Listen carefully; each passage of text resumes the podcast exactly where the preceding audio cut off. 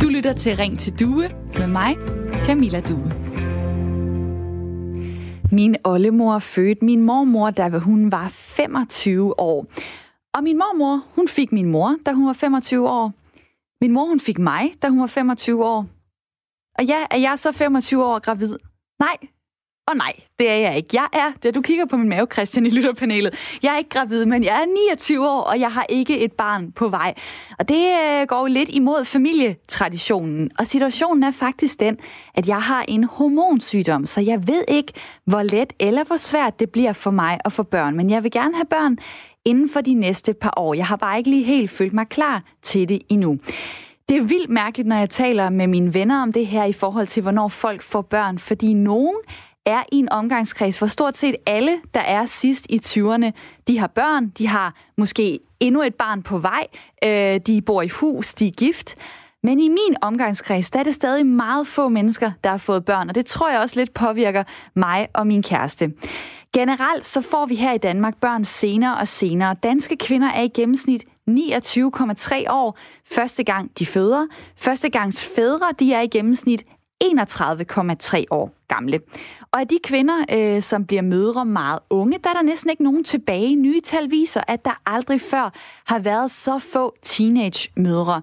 I 1973, der var der 4.708 piger, der blev mødre, før de blev 20 år. I 2018, der var det tal faldet til 409 teenage-mødre, altså fra 4700 til cirka 400. Og det er det laveste antal nogensinde, det skriver Danmarks Statistik, som lige er kommet ud med de her tal. Er det egentlig godt for os som samfund, at vi får børn senere og senere? Det vil jeg gerne tale med jer om i dag.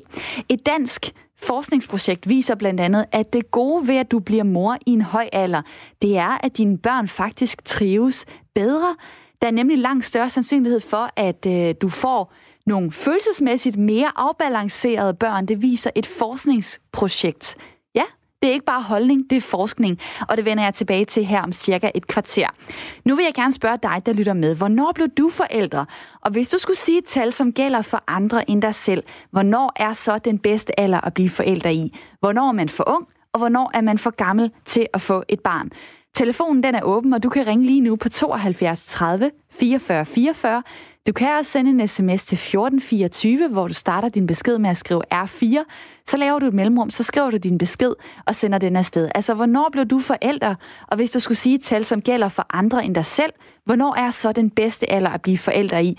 Kan man tale om at være for ung og for gammel i forhold til at få et barn? Send en sms til 1424, skriv R4, lav et mellemrum, så din besked. Du kan også ringe på 72 30 44 44.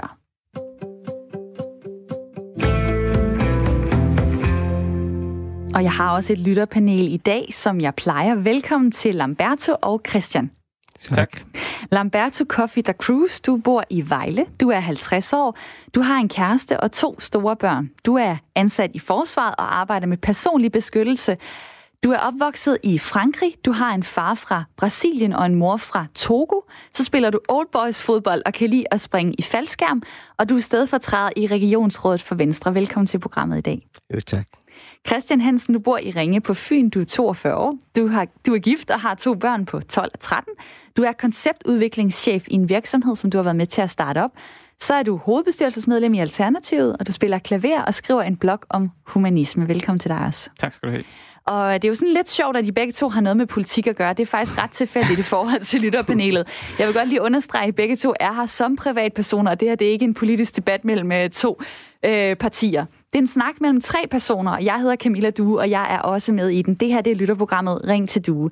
Og Christian, mit første spørgsmål til dig, det er, er det sådan lidt tyst-tyst at snakke om det her? Altså at overhovedet tale om, om man kan sætte en perfekt alder på det at få børn? Måske lidt. Øh, og også fordi det er forbundet med mange følelser. Fordi det jo rammer ind i noget, at der er fuldstændig kernen af det at være menneske. Nemlig at få børn og videreføre sine, sin gener og sin slægt. Så ja, og så er det jo træls, hvis man ikke kan få børn og står der øh, og får det spørgsmål fra omgangskreds og forældre og andre skal ikke snart have nogle børn. Det kan være et svært spørgsmål. Så der er meget følelser i det. Så. Og det ved jeg, du har prøvet, og det vender Præcis. vi tilbage til lige om lidt. Hvad siger du, Lamberto, til det her emne i dag? Jeg synes, det er et godt emne, Fordi jeg ved godt, der er mange i samfundet stadigvæk øh, tvivler om, øh, hvornår man skal få børn. Og mig selv, jeg har fået børn øh, øh, i 24 år, øh, fordi jeg synes bare, at min mor var rigtig gammel for, at hun fik mig. Og så jeg har ikke øh, nogen lillebror eller øh, stor søster, øh, før min far døde. Hvor, gammel, hvor gammel var din mor, da hun fik dig? Øh, min mor var 40 år, før han fik mig. 40 år? 40. Ja, det er gammelt. Det er gammelt. Det ved jeg ikke, om jeg må sige her i radioen, men øh, det sagde jeg så lige. Lamberto og Christian, I er med mig her i øh, Ring til Due i den næste times tid, og øh, jeg opfordrer altid til, at øh, folk ringer ind og øh, deler deres holdning og erfaring med emnet. Mit spørgsmål til jer derude i dag, det er, hvornår blev du forældre? Hvis du skulle sige et tal, som gælder for andre end kun dig selv, Hvornår er så den bedste alder at blive forældre i? Telefonen den er åben 72 30 44 44 kan du ringe på. Du kan også sende en sms til 1424, hvor du skriver R4, så laver du et mellemrum, så skriver du din besked og sender den afsted. Og Lulu har ringet ind til øh, programmet. Velkommen til. Hej, tak. Du, øh, du vil gerne have børn i 20'erne. Hvornår i 20'erne? Øh, jeg er desværre også selv 29, øh, så jeg har ikke så mange år tilbage. Men øh, jeg arbejder med fertilitet, og vi hjælper rigtig mange med få børn. Øh, og der ser jeg, at øh, når pigerne kommer ind efter de her 30-35 år, det er det rigtig, rigtig svært med at få børn.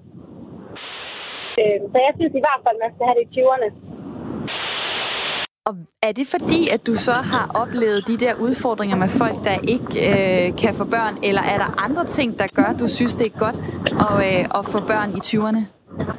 Øh, ja, øh, den største faktor, øh, at man ikke kan få børn senere, det er faktisk alder. Øh, pigens alder, den, den spiller en kæmpe rolle. Og så kommer alle de andre små ting, som, som rygning og, og alkohol, men, men det er ikke så stort som alder. Øh, så jeg har tit tænkt på, om... Øh, om det, man, man måske skulle have børn tidligere, og så måske fokusere på uddannelse og karriere senere. Men øh, det bliver også svært at omstrukturere det her samfund, vi lever i.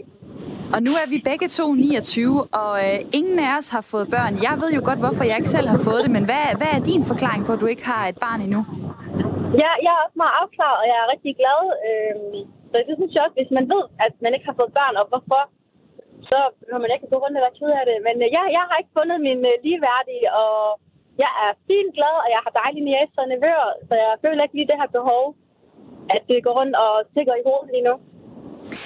På et tidspunkt kommer det måske, eller hvad? Ja, det vil jeg i hvert fald rigtig gerne, og så håber jeg, at jeg kan gøre det selv, og hvis ikke, så har jeg i hvert fald gode kontakter. du arbejder det helt rigtige sted. Lulu, tak fordi du ringede ja. ind til programmet. Selv tak, hej. Hej, og nummer det er 72 30 44 44. Jeg kan se, at telefonen den bimler lige nu. Det gør sms'en også. Der er en, der skriver her, hvad biler I jer ind og gør jer og jeres lyttere til dommer over, hvem der er for gammel og for ung? Det ved jeg ikke helt, om det er det, vi vil gøre i det her program. Jeg vil bare gerne have en snak om, hvad det betyder for vores liv, hvornår vi får børn, hvad vores egne erfaringer er med, hvornår vi fik børn, og hvad det gav os. Og så er det jo også måske en samfundsinteresse at tale om, hvornår folk får børn, eller hvad. Det er jo også det, vi skal ind på i det her program. Er det bare en privat sag, og alle andre skal blande sig udenom, eller er det også noget, som betyder noget øh, for samfundet? Der er en, der skriver her på sms'en. Kære Camilla, den perfekte alder at blive forældre i er lige så individuel, som vi mennesker er. Jeg blev sent mor for øh, første gang Undskyld, jeg blev selv mor for første gang som 21-årig. Faren var 33. Jeg fik mit sidste barn i en alder af 33. Kan klart anbefale at få børn tidligere end det. Kunne godt mærke, at jeg var blevet ældre. Og fordi der er så meget gang i telefonen, så øh, lader jeg lige en lytter komme med ind i snakken, inden jeg vender tilbage til lytterpanelet, som står til modet her. Isabella, velkommen til programmet. Tak for det. Du er mor til fire. Hvornår har du fået de børn? Jamen, vi fik vores første, da jeg var 23. Jeg blev 24 kort efter. Og så sidenhen har vi så fået, ja, øh, ja, nu har vi så fire. Vi har vores yngste, er så 11 måneder i dag. Og hvor gammel er du i dag? Jeg er 32. Så du har, du har sådan øh, hen over 20'erne fået flere og flere børn, og også start øh, 30'erne. Øh, Hvad, hvordan kan du mærke ja. forskel på, øh, på den ja, alder, du har øh, haft i øh. forhold til at blive mor flere gange? Øhm, jamen, altså, jeg synes, at der har været en forskel i, at når man bliver ældre, så, øh, så er det lidt hårdere. Det har måske også noget at sige, at vi så har haft flere børn, så der har været mere at se til, og man har selvfølgelig ikke haft den der frihed at sove og slappe af øh, løbende, som man jo havde med de første børn.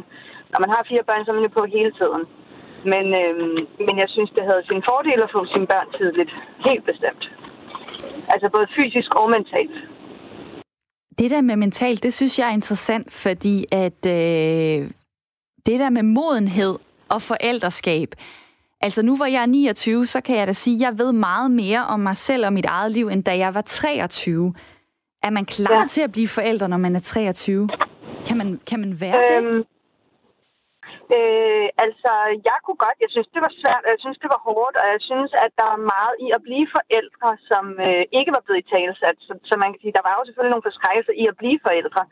Øhm, men jeg synes, at det faktum, at jeg var så ung, og måske ikke havde øh, gik til yoga hver tirsdag og torsdag aften, og havde min faste, og var, gik i læseklub. Altså på en eller anden måde, man var en lille smule mere... Øh, modellerbar i, hvad øh, ens dagligdag skulle indeholde. Øh, hvor at øh, man havde ikke de her ting, man plejede, tror jeg. Altså jeg havde ikke de her, den pleje, at det skal give afkald på. Og hvis du her til sidst øh, skulle sætte et tal på den perfekte alder øh, for at blive forældre første gang, mm. hvad er det tal så? Altså, jeg synes, det er svært, men øh, nu er jeg jo artig og prøver. Øh, og jeg tænker, at 25, som var op at vende tidligere, øh, faktisk et øh, afsæt et godt bud. Det er i hvert fald det første tal, der kommer øh, på bloggen her. Isabella, tak for øh, din tid. Tak for det. Og tak fordi, at øh, du lytter med. Mit lytterpanel, det vælter ind med sms'er. Det er åbenbart et virkelig godt emne, det her. Og øh, hvad står I og tænker nu med, med de to lytter, vi har haft igennem? Jamen, jeg tænker, at en af lytterne snakker om det her med, at vi måske skulle lave et eller andet om i samfundet, fordi vi har jo sådan et samfund, der er bygget op omkring gamle industrinormer, og ting skal fungere lineært og i kasser og sådan noget. Og sådan er vi jo ikke som mennesker. Der er tingene netop hulter til bulter. Så måske skal vi indrette os lidt anderledes, så det bliver nemmere at få børn tidligt eller sent i virkeligheden. Så vi, hvis vi gør det til et samfundsspørgsmål, så skal vi måske tænke på, hvordan indretter vi så et samfund, så det kan imødekomme, at det netop er så individuelt, hvornår vi får vores børn, og hvornår det bedste tidspunkt er lige for præcis for du eller jeg. Lamberto, øh, du var 24 år, da du fik dit første barn, ja. og så var du 25 år, da du fik dit andet barn. Ja. det gik stærkt. Lige der. Det, ja, det gik stærkt, fordi øhm, det var ikke planlagt nummer to barn. Øhm, men øh, vi fik det først, hvor vi har planlagt det, og vi var meget glade for det. Altså, det var noget, som vi har besluttet selv, og vi var 24 år begge to, men vi var meget glade for, at vi skulle giftes, og, og vi skal have børn. Så det har vi så gjort. Men det nummer to, det kommer bedre på os. Fordi efter, lige kort efter, vi får det først, så begynder vi igen at kigge på hinanden. Med de der smiler og glade, og folk synes bare, det er nybart forældre, hvorfor er så de så glade? Så den glæde, det, det går over også igen kort efter. Og så min, min øh, kone bliver syg, så kommer vi på sygehus. Så kigger sygeplejerske på os, og så siger ved du hvad, det er ikke noget sygdom, det her. Hvad skulle det være? Så siger man, øh, hun er gravid. Oh. Der, der gik vi alle sammen i chok. det kan jeg da godt forstå. venner og familie, alle sammen, de, de synes bare, oh, Lamberto, det er, det er for til det her, kan du ikke styre det? Så synes jeg bare, okay, nå, Øh, det sker sker. Hvad gør vi så? Vi beholder Så vi har arbejdet på det. Men jeg var utrolig glad for, at vi får nummer to børn alt for tidligt, fordi kort bagefter mistede jeg min kone. Så det gik stærkt, så jeg bliver rigtig glad for i dag. Du kunne jo have fået børn, måske, det ved jeg ikke, altså som 21-årig. Hvordan den der alder 24, hvordan synes du lige, hvad gjorde det ved dig, at du øh, nåede at blive 24 år? Jeg tror nok, vi har en kærlighedshistorie bag vores uh, forhold, som uh, faktisk uh, begge familier er imod vores uh, ægteskab. Så no. min, min mor og, hvad hedder det, uh, pigens far, det, det ville de ikke. Uh, hvorfor? Kunne jeg godt forstå, at min far har været kastet med pigens mor, som jeg vidste ikke noget om det. Så pigens far og min far var, hvad hedder det, rival. Så det er derfor, at pigernes far vil ikke have, at jeg skal komme ned af hendes datter. Så tidligere øh, i livet, så vidste jeg ikke noget om det. Før vi begyndte at kigge på hinanden og være meget glade for hinanden. Så det bliver bare en kamp Det var da så, noget af et familiedrama. Ja, det var det. Så det besluttede vi, okay, de ting, som de ville ikke have, vi skal gøre, det gør vi så. Så det bliver stor glad for os. Ja. Det er derfor, at tiden gik så stærkt. Og så vi besluttede også at gifte os, og vi skal have børn. Så det har vi så gjort. En dejlig historie. Eller hvad? Altså en vild historie i hvert fald. Ja. Der kommer øh, mange sms'er lige nu. En af dem lyder sådan her. Jeg fik min første, da jeg var 22. Det var dejligt at være stærk og kunne cykle 20 km med to børn på cyklen. Min sidste kom, da jeg var 40.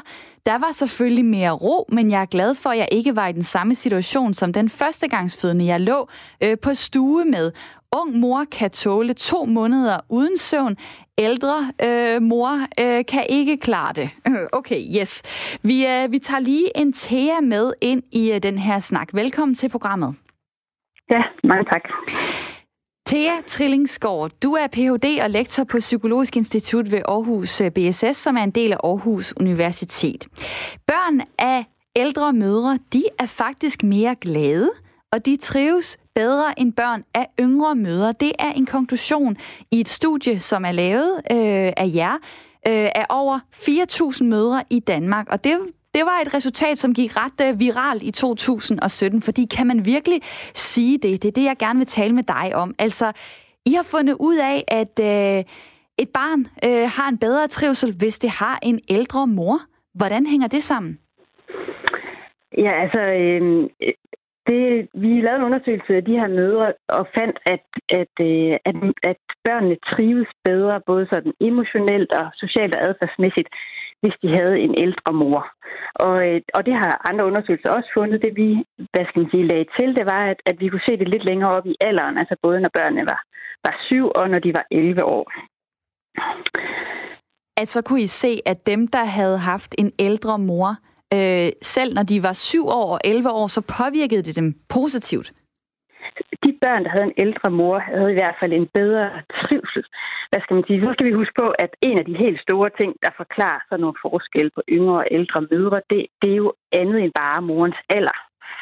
Øhm, nogle af de mødre, som, som vælger at få børn senere, de har generelt også nogle andre ting i livet, som er lidt mere stabile. Altså de har måske lidt mere stabile parforhold de har lidt mere stabil tilknytning til arbejdsmarkedet, de har måske taget en længere uddannelse, og det, det er sådan nogle store, hvad skal man sige, velkendte forklaringer på øh, forskellige trivsel hos børn af unge og ældre mødre. Så, så det, men det nye, som vi fandt i vores undersøgelse, det var, at, at ud over de her store, velkendte ting med job og uddannelse og ægteskab, jamen så var der også noget ved morens alder i sig selv, som gjorde en forskel. Og, og det var interessant, fordi hvad er det, der modnes hos mødre, øh, når de bliver ældre. Øhm, øh, det var vi optaget af. Og fandt I svaret på det? Altså man kan sige, hvis vi kigger på det, vi fandt, så kunne vi se, at de ældre mødre, de var lidt mindre hårde i deres opdragelse. Altså, de øh, skældte lidt mindre ud, øh, de brugte lidt mindre fysisk straf, øhm, og det kan måske være, at det er noget af det, øh, som ændrer sig, når vi bliver ældre. Altså, vi, vi kan se fra andre undersøgelser, at, at når vi går fra at være unge til at blive voksne, så bliver vi lidt mere tol- tålmodige, og vi bliver lidt mere tolerante. Øhm, så, og det er måske godt for vores evne til at håndtere små børn. Øhm, vi kan også se, at den måde, vi reagerer på vores egne impulser øh, og krav fra omverdenen, der bliver vi en lidt bedre balance, når vi bliver voksne, frem for når vi er helt unge. Øh, og så der er altså måske i hvert fald nogle fordele, som ældre mødre altså drager fordel af, og ældre fædre for den sags skyld. Øh, og det var, kan man sige, måske lidt et, et lidt et modspil i en debat, hvor vi ellers tit hører, at Øh, vi ved jo nok de fleste af os, at der er nogle biologiske begrænsninger, når vi bliver ældre, og der er mange råd til at blive forældre tidligt, men, men vi har altså også nogle, nogle undersøgelser, der tyder på, at der er nogle fordele, når vi bliver ældre. Så puha, når man står her som 29-årig øh, ja. og får sved på panden, så kan jeg sige, wow, der er måske også noget godt ved det. Lambert, ja, ja, Lamberto det ja. i mit lytterpanel vil godt lige sige noget. Ja. ja. Øhm, jeg synes, at mennesker er meget forskellige. Ja. Øh, der er nogen, der er voksen, føler sig voksen, men ikke moden nok, eller kan ja. ikke tage ansvar for at være forældre. Øh, der er nogen, de er tidligere på år, som 20, 24 år, er moden nok til at, være, øh, til, til at få børn og være ansvar. Hvis jeg siger på mig selv, øh, dengang jeg fik øh, mine to børn, jeg var jo klar til det, og min kone var klar til det. Øh, lige kort efter dødsfald også, jeg nægter hele familien, og min kones familie, og min, min egen familie til at tage sig af mine børn. Jeg står ja. hele lidt ved dem. Så det, det, det drejer sig om modenhed, og øh, hvordan man klarer sig psykisk, i, i, og, og, og, og være ansvarlig. Ja, det, det er jo lidt sjovt, fordi man skulle måske ikke tro, at... Øh at det er alderen i sig selv, men det ligesom er, hvor er man i sit liv, og hvem ja. er man som person? Der er en, der ja. skriver her på sms'en, jeg var 20 år, da jeg fik min søn, og 32 år, da jeg fik min datter. Jeg var meget bedre rustet som 32-årig. Jeg havde ærligt talt ikke styr på noget som helst, da jeg var 20 år. Det her... Øh, stu- ja? Hvis jeg må sige, Altså, jeg tænker, der er en helt vildt vigtig pointe her, som er, at, at det er jo individuelt. Altså, at modenhed er individuelt. Og, og når vi kigger på sådan nogle resultater, som dem, jeg, jeg taler om her, så, så kan det måske være, det kan man godt blive klog af, hvad, hvad, hvis man kigger på hele populationen. Men når man skal træffe sit eget valg, øh, så må man jo kigge på sit eget liv øh, først og fremmest, øh, og, og se på, har man selv øh, et stabilt liv, er man selv klar og overskud til at få et barn. Det må, det må alt andet lige være det, være det vigtigste. Men jeg synes da alligevel, hvis der er undersøgelser, der viser, at ældre forældre, de opdrager på en anden måde, og derfor så får de nogle børn, der trives bedre.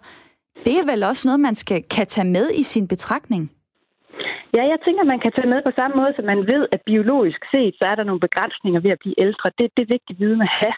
Så er det også vigtigt viden at have, at, at psykologisk set, så modnes man lidt med alderen. Og når så man ved de to ting, så må man kigge på sit eget liv og, og træffe en beslutning ud fra det.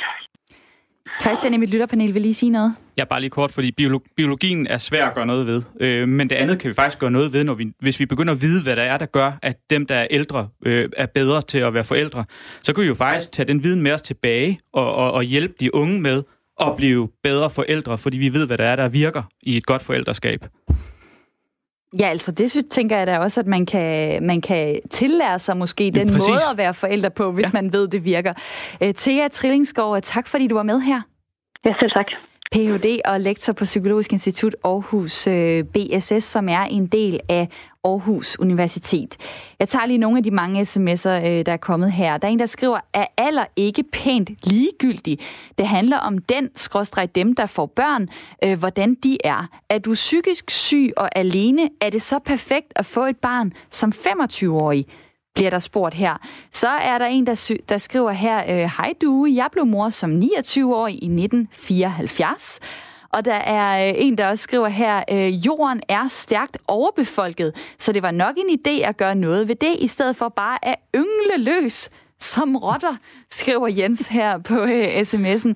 Og der er også en, der skriver, Hej Radio 4. Jeg blev far første gang allerede som 18-årig, og anden gang, da jeg var 24. Det var i begge tilfælde alt for tidligt. Jeg var i den alder slet ikke klar til at skabe de rigtige rammer for et barn. Ej heller var jeg livsklog nok til at guide et andet menneske i den rigtige retning. I årene fra jeg var 33 til 38 fik jeg med min nye kone et nyt kul på tre dejlige unger. Det var det perfekte tidspunkt, og de har udviklet sig til at blive langt mere harmoniske børn. Det skyldes helt sikkert, at jeg her var blevet mere bevidst om både mig selv og omverdenen, ligesom jeg var blevet meget bedre til at træffe rationelle beslutninger, skriver øh, Michael. Og det synes jeg jo er, øh, er lidt øh, sjovt, fordi måske er det lidt et tabu egentlig at sige, øh, at folk melder ud, jamen jeg er faktisk blevet en bedre forælder for de, de, det nye hold unger, jeg fik, fordi nu er jeg ældre. Eller hvad tænker I her i lytterpanelet? Jamen, øh, som sagt før, det er, øh, de alder har ikke nogen betydning for, hvornår man får børn. Det, det er modenhed, og hvordan man er som person, eller hvordan man kan klare sig. Øh, jeg, jeg synes bare, øh, øh, de sms, som er kommet, øh, personen har, har haft erfaring med at have børn for tidligere, var et stort problem for ham. Og da han var moden nok til at få flere børn, det bliver han så glad for. Fordi de er alder, har ingen betydning. Det er modenhed, der har noget med livet at gøre. Jeg vil gerne tage Nils med øh, på telefonen ind i den her snak. Velkommen til programmet. Ja, tak. Og det er dejligt, du lige husker at slukke radio nu, så jeg kører mig selv i, uh, i eko. Du, uh, du mener, det er, uh, det er godt at få børn så tidligt som muligt. Hvorfor det?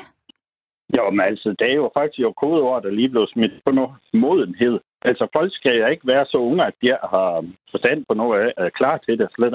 Og det der teenagerbørn eller forældre, det, det duer jo heller. Men rent genetisk og rent øh, øh, nærmest avlsteknisk, så er biologisk, så er, så er jeg bedre, jo yngre folk de er. Altså midt i 20'erne, først i 20'erne. Og desuden så, når børnene, altså prøv at tænke, når man er 34 måske, så man så, så er ungerne nogenlunde selvhjulpende, så man kan give en gas med karriere og, og gå fremad med tingene også. Og så ved man, at man har nogle børn, og man ved, at man kan få dem. Det er nogle argumenter. Og øh, fordi nyhederne øh, ånder mig i nakken, så vil jeg lige til sidst bare bede dig om at sige øh, tallet på den perfekte alder at få, øh, få et barn i, sit første barn. Hvornår er det? Det er måske 24. Det er helt galt. Det er, der, der man sådan, uddannelsen skulle gerne være klar så, og, og man skulle gerne være klar menneskeligt til det også, og det tror jeg, de fleste de er. De der projektbørn, der kommer nu, når at, uh, kvinden er 40 også, det bliver sgu når, uh, det bliver lidt nogle uh, projektunger også, der, ja, jeg har i hvert fald dårlige erfaringer med sådan nogle børn at arbejde med, så det er det. Niels, tak fordi du ringede øh, ind til programmet, og der er rigtig mange, der har øh, ringet, og øh, som faktisk ikke er kommet på endnu, men øh, sms'en, den er altid åben. SMS-nummer det er 1424. Du kan skrive R4 mellemrum. Skriv din besked og send den afsted. Jeg læser nogle af sms'erne op lige om lidt efter nyhedsoverblikket. Radikale Venstres leder Morten Østergaard mener, at Socialdemokratiet og Radikale Venstre står længere fra hinanden, end de har gjort i flere årtier. Det er meldingen, som han siger til politikken i dag. Der er gennem historien blevet til flere regeringssamarbejder og generelt et tæt samarbejde mellem Socialdemokratiet og Radikale Venstre. Men der er flere punkter, hvor Morten Østergaard mener, at partierne er begyndt at adskille sig. Det gælder blandt andet i forhold til, hvilken prioritet Morten Østergaard mener, at regeringen giver børn og klima. Jeg synes, det er tydeligt, at øh, Radikale Venstre står mere uafhængigt, end vi har gjort i mange år. Øh, fordi der er øh, nogle politiske forskelle, som øh, træder tydeligere frem. Og meldingen fra Morten Østergaard er, at Radikale Venstre vil arbejde mere sammen med Blå Blok, hvis forholdet til Socialdemokratiet ikke bliver forbedret. Statsminister Mette Frederiksen ønsker ikke at kommentere kritikken over for politikken. Boligkøbere skal forpligtes til at udskifte de gamle brændeovne, det siger Miljøminister Lea Wermelin til Jyske Vestkysten. Inden for 12 måneder efter et huskøb, der skal brændeovnen være udskiftet, hvis den er fra før år 2003, lyder forslaget fra ministeren. Pointen er at tage de første skridt mod renere luft herhjemme, siger Lea Wermelin. Både Enhedslisten og SF har tidligere foreslået en lignende ordning. Partierne kommer til at ville sætte ind, fordi brændeovnene i Danmark står for 70 procent af partikelforureningen. Og det er altså især de ældre modeller, der fylder i det regnskab, fordi de udleder op mod fem gange så mange partikler, som nyere brændeovne gør. I forslaget lægger Lea Wermelin op til, at Miljøstyrelsen skal føre tilsyn med, hvorvidt boligkøberne lever op til reglerne, og hvis de ikke gør det, så skal det kunne udløse en bøde på 5.000 kroner. Der er et nyt samarbejde på vej mellem beredskabsstyrelserne i Norden. I dag skriver beredskaberne i Danmark, Norge, Sverige, Finland og Island nemlig under på en fælles erklæring om et tættere samarbejde. Allerede i dag der kan beredskaberne hjælpe hinanden ved skovbrænde og oversvømmelser. Men med den her erklæring, der vil de i højere grad arbejde på samme måde og også tale mere sammen. Helt konkret så skal de lave fælles øvelser, og de skal også dele viden om, hvilke ekstreme vejrforhold, der kan ramme de forskellige lande. Og så skal de også begynde at bruge det samme udstyr. For i dag er det sådan, at Sverige og Danmark for eksempel spuler med forskellige brændslanger, og det gør det altså svært at hjælpe sig med at slukke brændene. I Danmark er det Beredskabsstyrelsen, der pumper vand væk ved oversvømmelser, og Henning Thiesen, der er direktør for styrelsen, han ser samarbejdet som en gave. Fra dansk side har vi det at vinde, at vi får en sikkerhed for, at hvis vi kommer ud i ekstreme situationer, så kan vi få bistand udefra, siger han. To 21-årige mænd er blevet anholdt og sigtet for at stå i spidsen for et netværk, der i en periode systematisk har taget kontakt til borgere og udgivet sig for at være fra Skattestyrelsen. Det oplyser Københavns politi, men øh, er blevet varetægtsfængslet i forløbig 27 dage. De mistænkes for at have franaret de forurettede personlige oplysninger, som for eksempel NemID og forskellige kodeord. Grundlovsforhøret i dag blev holdt for lukkede døre, og derfor så vil Københavns politi heller ikke oplyse nærmere om omstændighederne i sagen. Antallet af døde som følge af coronaviruset i Kina er oppe på mindst 550 nu, det oplyser de kinesiske sundhedsmyndigheder. Over 28.000 mennesker i Kina er bekræftet smittet med viruset, skriver nyhedsbyrået AFP. Og viruset er begyndt at skabe endnu flere udfordringer i Kina. I dag advarer myndighederne om, at de står over for en alvorlig mangel på hospitalsenge og udstyr, som er nødvendig for at kunne behandle det stigende antal patienter. Vi får skyet vejr i dag og mest tørt vejr, men især i den nordlige del af landet, der er der faktisk også mulighed for at få lov til at se solen. Temperaturerne lægger sig mellem 6 og 9 grader.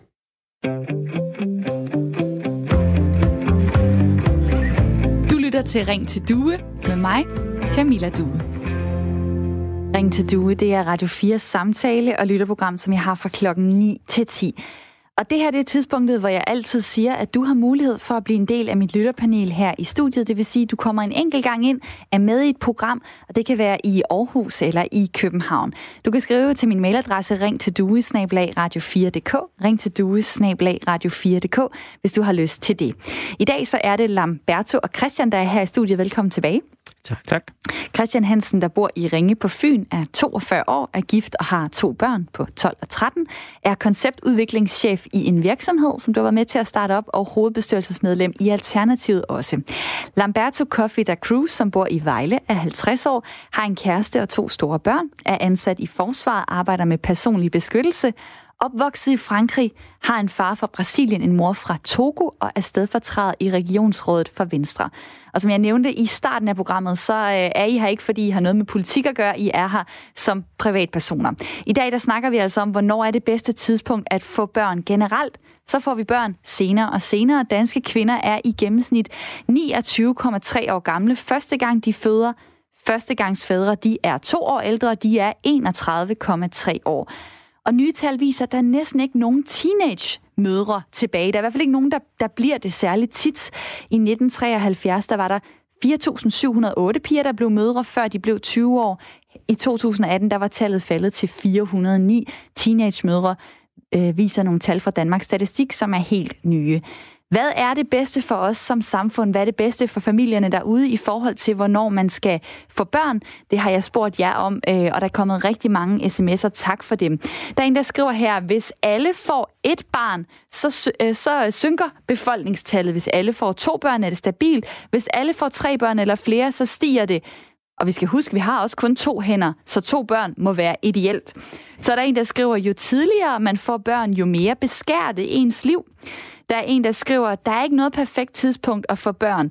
Øh, gør det, når du har opnået og oplevet det, du vil, og er tilfreds med din livssituation, skriver Ole, der er 29 år og far til to. Øh, han blev blandt andet far sidste år, skriver han her. Så er der også en, der skriver, øh, hej, det er super relevant emne at snakke om. Jeg synes da bestemt, at man øh, får dem for tidligt, men selvfølgelig har modenhed også noget at skulle have sagt. Jeg har mødt forældre, øh, der har børn i midten af 30'erne, og alligevel ikke har været klar. Jeg fik selv min første som 24-årig, samt nummer to som 26-årig. Nu har jeg nummer tre på vej øh, som 28-årig. Fordi jeg føler, at øh, jeg har fået kunne overskue det og har masser af energi at give til mine børn. Øh, og vi får dem ikke passet i vuggestue, da vi mener, øh, at det andet er bedre, skriver fra Rock her på, øh, på sms'en. Og jeg ved, jeg har en Bent med på øh, telefonen her. Velkommen til programmet. Tak skal du have. Hvor gammel var du, da du fik dit første barn? 18. Det var tidligt. Og det sidste fik jeg, da jeg var 59. Oh, hvor mange børn? ja. Hvor mange børn har du? Ja, syv, hvis du tæller dem sammen.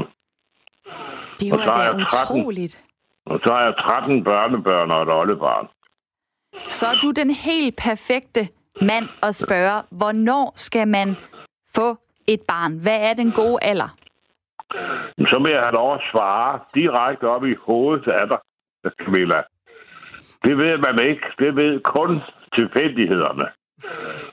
Når det begynder at blive en øh, mekanik, der afgør, hvornår man skal have børn, så vil de kloge jo vente, indtil de har fået hvad skal jeg sige, styr på deres uddannelse og tid og liv.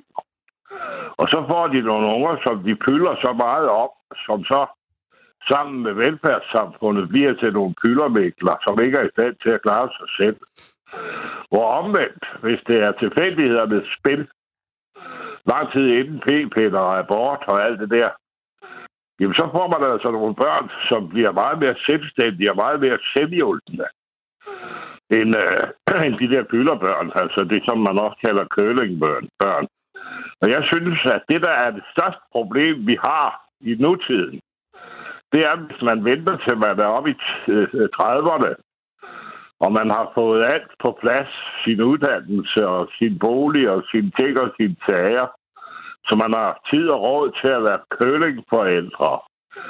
Så har man sammen med samfundet, altså velfærdssamfundet, det problem, at ungerne de bliver nogle udulige, nogen, som ikke kan klare sig selv. Ej, hvor det er du jeg, streng. ja, jeg siger det også provokerende. Ja, men jeg, jeg skal lige spørge dig, det. lyttede du med, øh, da jeg talte med, med Thea Trillingsgaard, som har lavet forskning, som viser, at faktisk lidt det modsatte, som viser, at hvis øh, mødrene er ældre, så får de faktisk nogle børn, der trives bedre, fordi de opdrager dem på en anden måde. Ja. Lyttede du med men der? Det, ja, men jeg synes, man skulle lave et tilsvarende forskningsprojekt, som hedder vores, vores selvhjulpende er vores børn i funktion af, hvor tidligt forældrene har fået dem. Jeg skal lige høre dig, hvorfor blev du egentlig øh, far som 18-årig? Var det en svipser?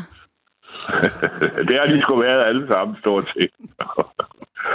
altså, forholdet er, at jeg er en gammel satan, som er ganske højt uddannet, og som har været med siden 68, så er det, der foregik dengang, hvor jeg læste øh, sociologi. Ellers var jeg ingeniør i forvejen. Og dengang, der var det nogle af mine fødselsdage. Nu er jeg lige straks fødselsdag igen, der er jeg faktisk på tirsdag.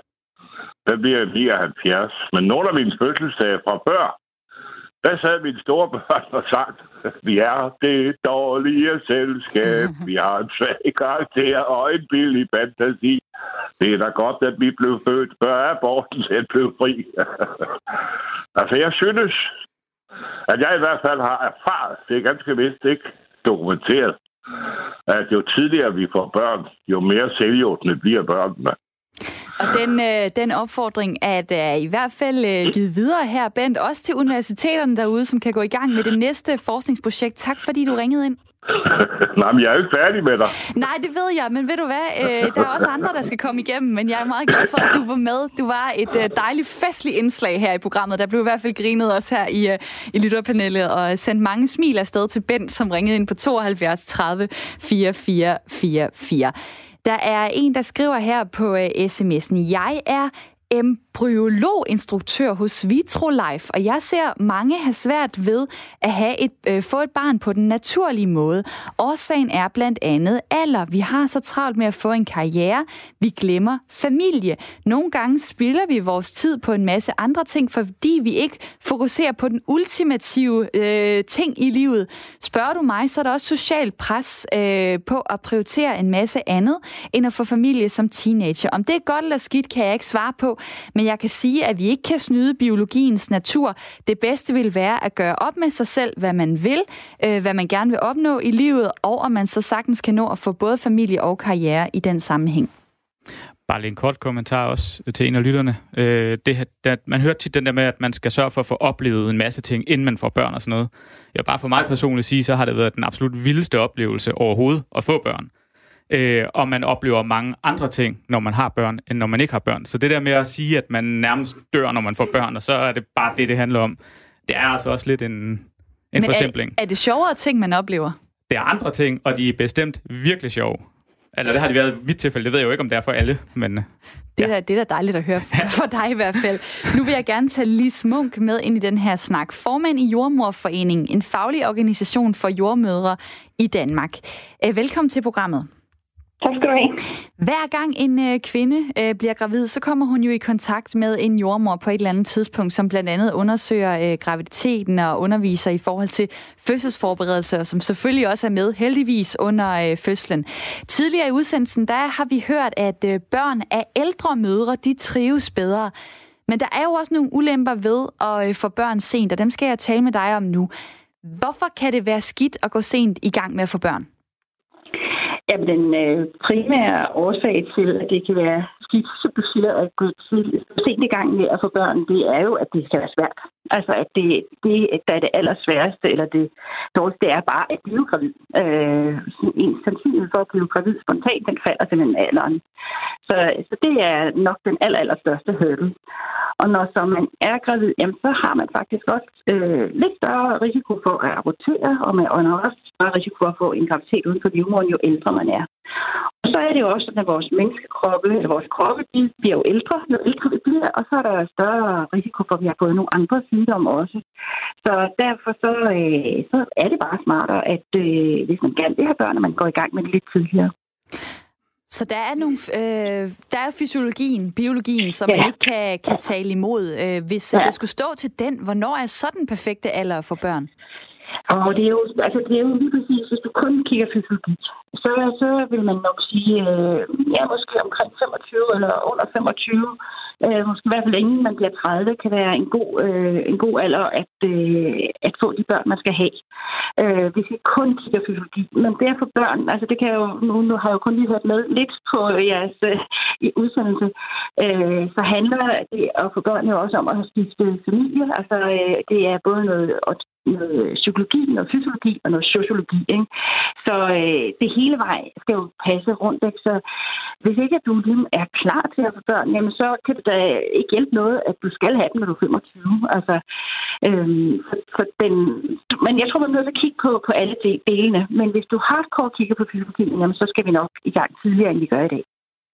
Og i dag der er det jo øh, en alder, der hedder øh, 29,3 år for kvinder. Første gang de får deres øh, øh, ja, bliver mødre, får et barn, ja. og for øh, førstegangsfædre er det 31,3.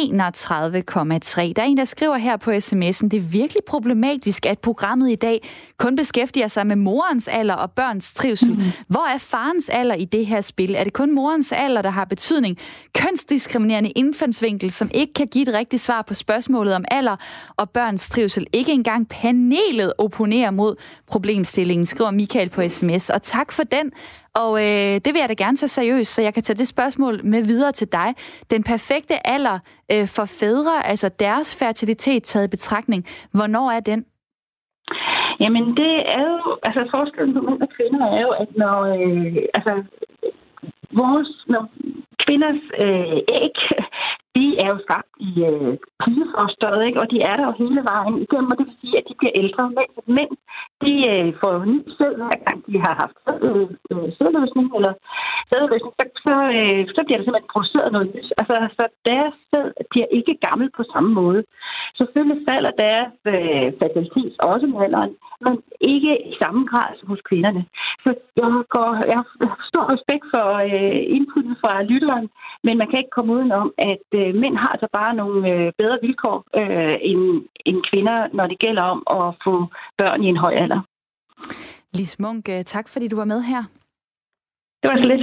Formand i øh, Jordmorforeningen. Og der bliver markeret øh, i mit lytterpanel. Christian, hvad vil du sige? Øh, bare lige kort. Øh, en, løst en undersøgelse her for nyligt, der faktisk kom ind på det her med mænd. Og øh, der er faktisk noget omkring, at kvaliteten af den sæd, man producerer, når man bliver ældre, bliver dårligere, fordi at ens gener og ens DNA bliver mere ødelagt. Så der er vist nok, må ikke hænge op på det, en forstørret risiko for, at de børn, man får, hvis man er gammel mand, øh, kan få flere sygdomme, end hvis man er yngre. Ved du hvad, en gang imellem, så er jeg en øh, velforberedt vært, og jeg har lige nogle tal til dig her. Det er så i forhold til, hvor nemt det er at gøre øh, sine partner gravid.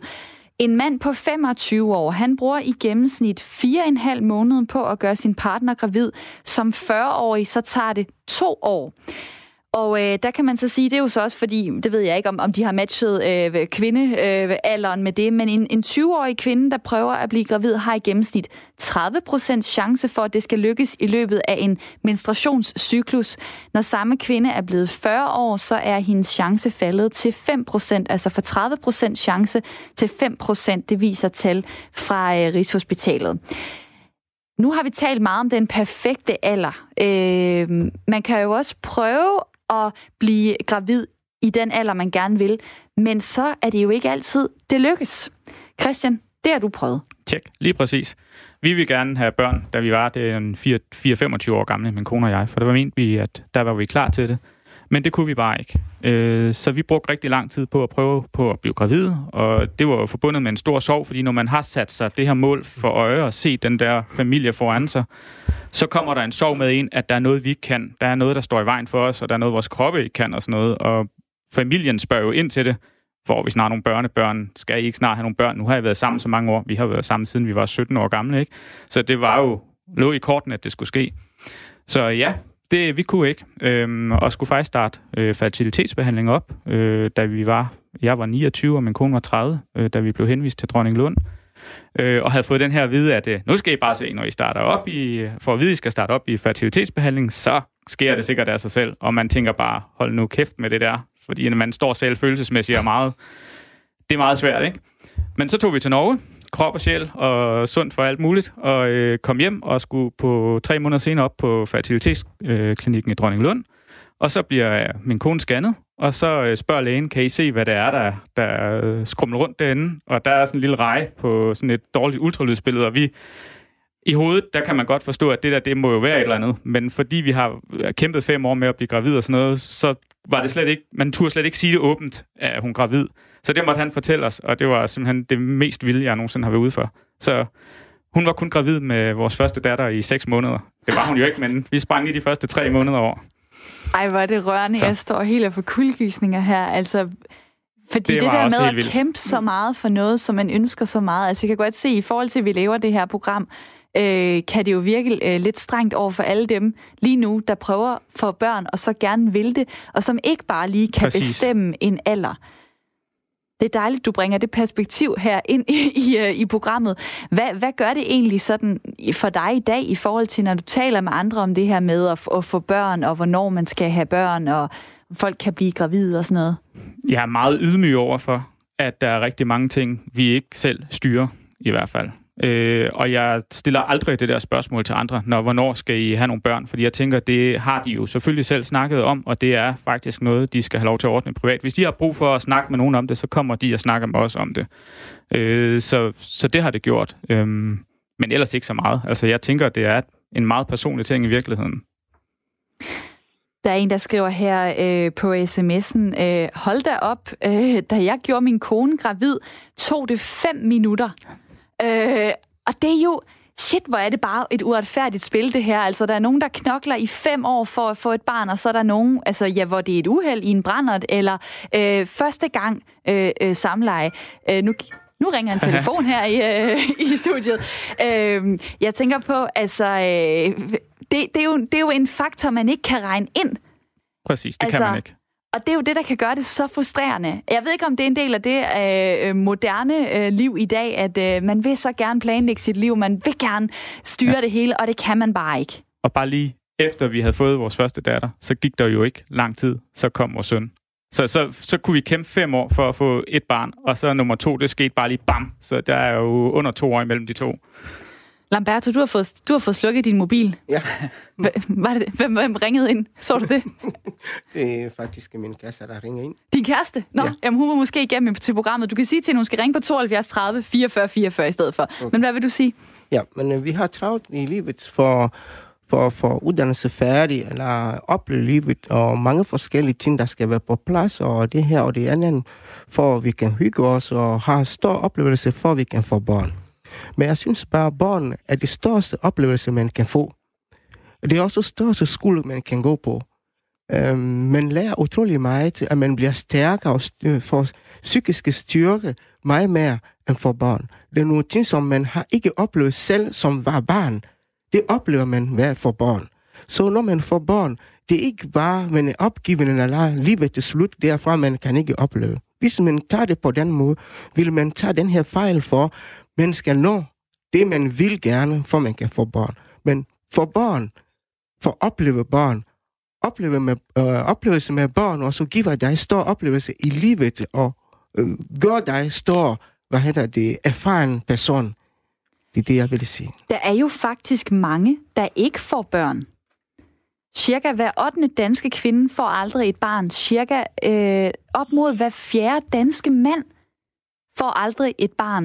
Det kunne vi måske også lave et program om, står jeg lige og tænker på, fordi vi taler jo om det som om, at øh, alle skal have børn, og alle øh, kan, øh, kan få børn og alt det her. Det er, det er et program, der er på vej i Ring til Due, kan jeg sige lige nu. Og nu vil jeg gerne sige hej til en tålmodig lytter. Lisa, velkommen til programmet. Ja. Øh, jeg synes, I glemmer de unge forældre. Jeg var 16 år, da jeg fik mit første barn, og 18, da jeg fik nummer to. Hold da op. Ja, hold da op. Og jeg var gift i 52 år og blev gift som 16-årig. Og der er altså ingen af mine børn, der klager over, øh, at der er noget galt, fordi jeg har fået dem så tidligt. Følte du dig klar til at blive forældre som øh, 16-årig? Ja, ellers havde jeg delen ikke fået den. Det havde jeg ikke. Altså, vi var syv børn hjemme hos øh, mine forældre, og vi har altid passet hinanden, og, og jeg var den yngste, og så noget jeg altid blev passet af de andre. Og jeg kan simpelthen ikke følge med i det der, I siger, at man skal være 24 og 30, og jeg ved ikke, hvor meget jeg har været ved at dø af krigen. Det er da dejligt, du ja. ringer ind. Øh, hvor, hvor gamle er dine børn i dag? Min datter er, bliver 53, og min søn er lige blevet 50. Og du er så hvad? Øh... 69. Det, jamen, jeg, jeg, er nærmest, jeg er nærmest mundlar, men det er fordi, der er så Ja. få, der, der Og ved får... du hvad, jeg ikke kunne komme igennem. Jeg ville så gerne have været igennem noget før. Jamen, hvor, er Fordi det, nu kan vi... hvor er det godt, du kommer, kommer i, igennem nu. Altså, øh, grunden til, at vi taler om det her, det er jo faktisk, at der er færre teenagemødre, altså færre, der får børn mellem, ja. øh, mellem 15 og 19 år. Og en af Ja. grundene, øh, en fødselsforsker, jeg har læst en artikel med, siger, at det er jo fordi, der, der er kommet mere information og sådan bedre brug af prævention, altså p-piller og, og abort og fri abort og så videre. Øhm, hvordan blev det egentlig taget imod øh, dengang, da du øh, blev gravid som 16-årig? Altså folk omkring dig, var det, var det almindeligt? Ja. Øh, alle synes det var dejligt, og alle støttede om os op om os, og øh, vi havde øh, fire lejligheder at kunne vælge imellem hos en øh, udlejer og sådan noget, så vi kunne få noget at bo i. Vi boede hos mine svigerforældre på det tidspunkt, så øh, vi havde ikke nogen problemer. Vi har ikke haft nogen problemer. Folk havde mere øh, øh, ondt af, at vi gifte os som 16- og 20-årige, men øh, det var vi ligeglade med. Nu er min mand desværre død, men vi nåede at få 52 år sammen. Hvad, hvad har det egentlig givet dig at få øh, børnene tidligt? Jeg tænker, det er jo ikke alle i din omgangskreds, der har fået det sikkert, så det der med at kunne kigge på andre og sige, de fik øh, børnene øh, 8-10 år senere, du fik dem så tidligt. Hvad har det givet dig? Det har givet mig det, at mine øh, børns øh, kammerater, altså især pigerne, har kommet til mig og fået at vide omkring menstruationer og sådan noget, som de ikke fik at vide derhjemme. Fordi det snakkede man ikke om, og, og det skulle børn ikke vide og sådan noget lignende. Og alligevel spurgte de, og jeg forklarede det. Så du var Så, øh, simpelthen, du var ung og moderne øh, mor, som man kunne snakke med? Det, det, ved, det ved jeg ikke, om jeg var. Jeg var bare mor. Og, og øh, jeg har børnebørn på 22 og 20 i dag, som øh, også synes, at det er super, at deres mor er så altså blev født så tidligt, ikke? Vil du, Så- egentlig, vil du egentlig ønske, at øh, den udvikling, øh, som der er med, at, børn, øh, at folk får børn senere og senere, at den skal vi øh, til at øh, spole tilbage, og gerne ret meget tilbage? Ja, det vil jeg, fordi min datter, hun fik børn som, som øh, 30-årig, og det synes jeg knæme var for sent. Og det kan hun godt se i dag, at, at hun, øh, hun er træt og har været øh, mere træt på andre måder, end jeg var, da jeg fik børn. Lisa, Det er helt sikkert, som vi har snakket om det og sådan noget, så siger hun, havde jeg bare fået noget før? For det kan jeg godt se, mor, siger hun. Det Så- er, det er en rigtig god pointe at få med her i programmet. Mange tak, fordi du ringede ind. Jamen, det var så lidt, og tak fordi jeg kom igennem. Jamen, det gjorde du da, fordi at hold da op en historie. Altså, jeg kigger lige på mit lytterpanel. Der er et minut tilbage. Det er vel en rigtig fin afslutning i forhold til at sige, øh, man kan, ikke, man kan ikke rigtig sætte en alder på det. I hvert fald ikke, det lyder jo til, at det her det har været det helt rigtige for Lisa og for hendes familie. Præcis. Det er det. Det er det, fordi øhm, de- hans datter er levet tidligere, og så får noget godt ud af det, og har de styrke, som hun skal have, og styre de her børn, og passe dem, og opdrage dem, til de vokser op, og så får de deres børnebørn tidligere, og så det, det er passende for deres familie. Og så har man, så har man øh, forældre og bedsteforældre og sådan noget, forhåbentligvis i øh, lidt længere tid. Jeg slutter lige af med en sms her. Der er en, der skriver, øh, man skal virkelig kun få børn, hvis man ønsker det. Jeg har selv før øh, fået fem børn, men opponerer voldsomt mod tanken og forventninger om, at